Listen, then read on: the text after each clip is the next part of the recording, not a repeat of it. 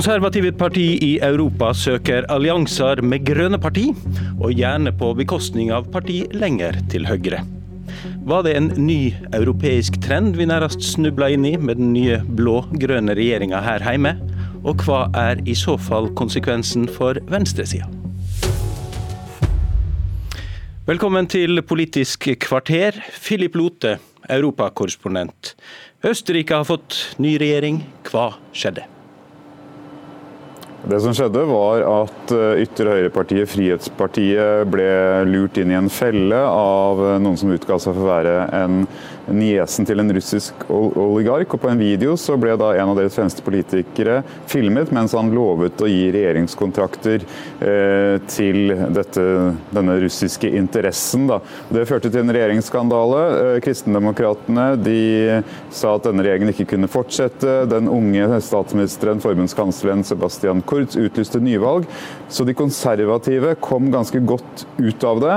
Eh, de gikk faktisk frem i nyvalget, men de hadde ikke nok eh, stemmer, representanter, til å danne regjering alene. og Da søkte de inn i en eh, koalisjon eh, med De Grønne, med deres partileder Werner Kogler. Gikk inn i en ganske hard forhandling, og har nå lagt frem en blå-grønn regjering som kanskje har noen av de høyeste miljøambisjonene i Europa. Skal være nøytrale, CO2-nøytrale, altså klimanøytrale innen 2040. og kun ha 100% fornybar energi i 2030.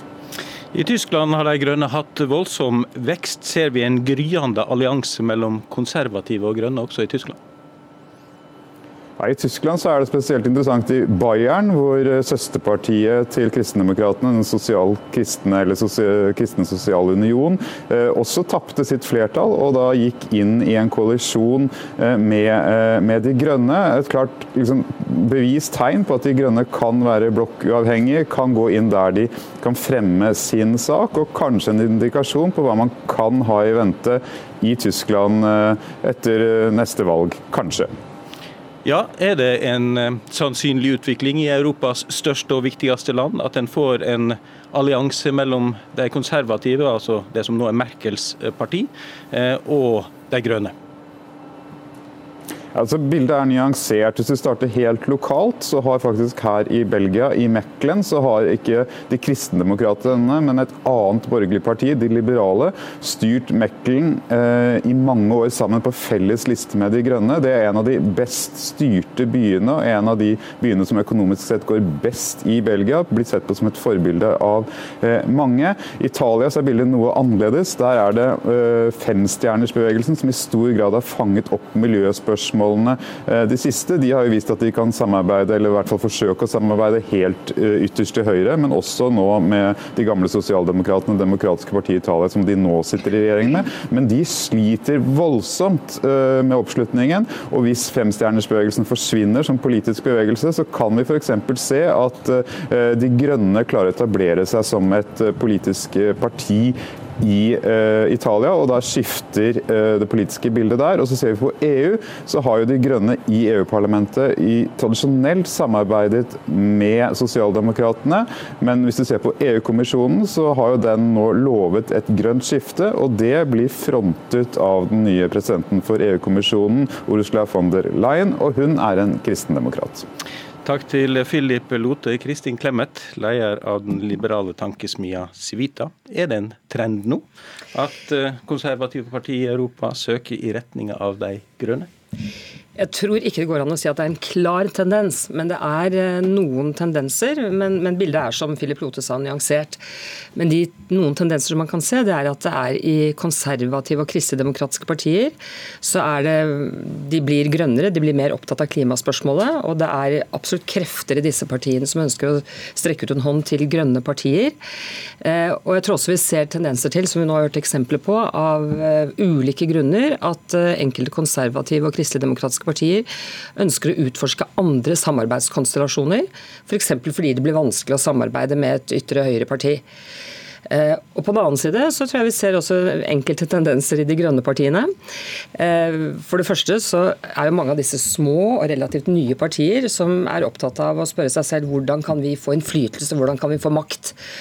Og da eh, er de jo ganske pragmatiske. Vi kan i hvert fall se at det er ganske store forskjell på det nasjonale og det lokale. Kommer man til Tyskland, så er det vel sånn hipp som happ 50-50 lokalt, om de samarbeider til høyre eller til venstre.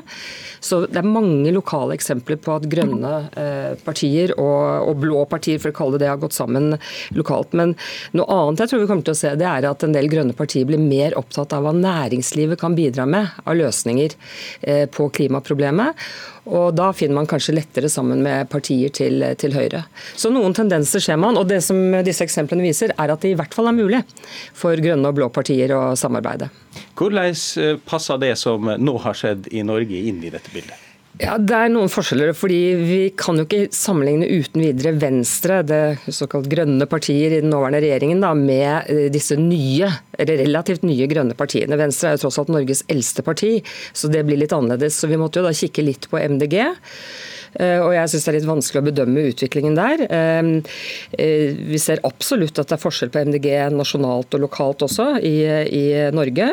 Det blir interessant å se hvordan MDG MDG har jo sagt at grunnen til at det er vanskelig å samarbeide mot Høyre, det er Fremskrittspartiet. Eh, det blir interessant å se hvordan de vil forholde seg til Senterpartiet etter hvert. Og så er det nok noe med stemmegivningen til MDG foreløpig i Norge som ser ut til å ligge ganske langt til venstre, også når man snakker om politikk som ikke handler om klima. Så hvordan det vil utvikle seg, det vet jeg ikke, men eh, de sier jo at de prinsipielt sett er et blokkuavhengig parti.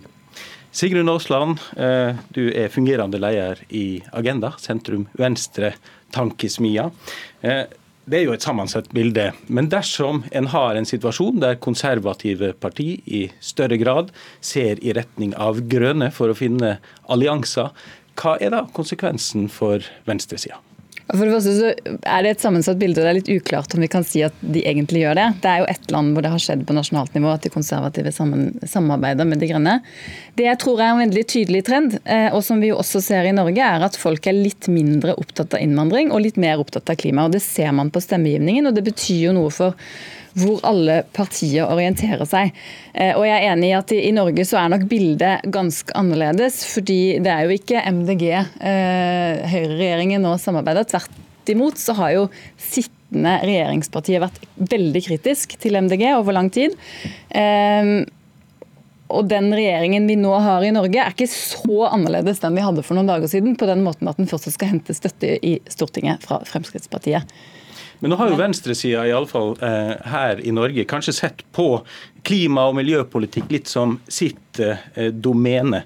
Eh, hvordan skal en håndtere en situasjon med en stadig større konkurranse om grønne velgere? Ja, Det tror jeg blir en utfordring for alle, fordi folk blir mer opptatt av det. Det en, tar en tar større plass i debatten. Vi så det i kommunevalget også, at klimaspørsmål og, og ulike tilnærminger til dette tar stor plass. Et begrep som har festet seg litt i den norske politiske debatten, er jo dette med rettferdig omstilling. Altså hvem skal betale for den omstillingen som eh, klimaendringene krever av oss. Eh, det som blir et dilemma, tenker jeg nå. Nå er det jo ingenting som er forutsigbart i, i norsk politikk lenger. Eh, men, men, det har kanskje blitt enda mer uforutsigbart de siste dagene, da, eh, fram mot neste valg. Eh, og Det som på en måte blir et dilemma nå for venstresiden, siden du spurte om konsekvensene for venstresiden, er jo eh, i hvilken grad man nå skal på en måte søke eh, enkeltforlik eh, med den sittende regjeringen. Og Det er ikke bare sånn partitaktisk eh, det kan være vanskelig. Det er jo det vi også så i Tyskland, som eh, for noen år tilbake, var jo at man fikk mange samarbeid mellom CDU og Sosialdemokratene. Eh, altså de konservative, de konservative Som gjorde at for mange velgere ble det litt vanskelig å se forskjell. Og det ble oppfattet som et litt sånn teknokratisk styre, som jo Alternativ for Deutschland, altså høyrepopulistene i Tyskland, vant stort på. Så det vil jeg kanskje vært litt forsiktig med. Og så er det jo også sånn at vi kommer til å se en regjering framover som vil oppfattes og oppleves som mye mer spiselig. Vi får ikke sånne eh, viltre statsråder som gjør ting som er veldig lett å bli provosert over. Um, og det vil være fristende for opposisjonen tror jeg, å krangle med et enda viltrere Fremskrittsparti, som nå skal sitte på Stortinget og være i fri dressur. Uh, men jeg vil jo kanskje anbefale at man heller eh, går regjeringen eh, i rette. Og det er jo mer utfordrende når den på en måte snakker, snakker mer om klima, snakker mer om tillit og fordeling og en del ting som eh, også resonnerer langt inn i venstresiden. Man har jo veldig lenge lurt på hvordan eh, klimaspørsmålet som liksom krysser høyre-venstre-aksen på en annen måte, og det samme med innvandring, hvordan den liksom så å si ville falle ned i det eksisterende partibildet. Og jeg tror at uh, den blir ikke en sånn venstresidens domene. Jeg tror det på en måte blir alles domene i den forstand at alle partier må ha en klimapolitikk, akkurat som alle partier må ha en skattepolitikk. Og jeg tror vi kommer til å se nå at det i større grad blir en uh, diskusjon om metoder og virkemidler for å nå et mål som så å si alle er uh, enige om. Og at det da vil kanskje bli litt tydeligere at det er en viss forskjell på, på høyre- og venstresiden.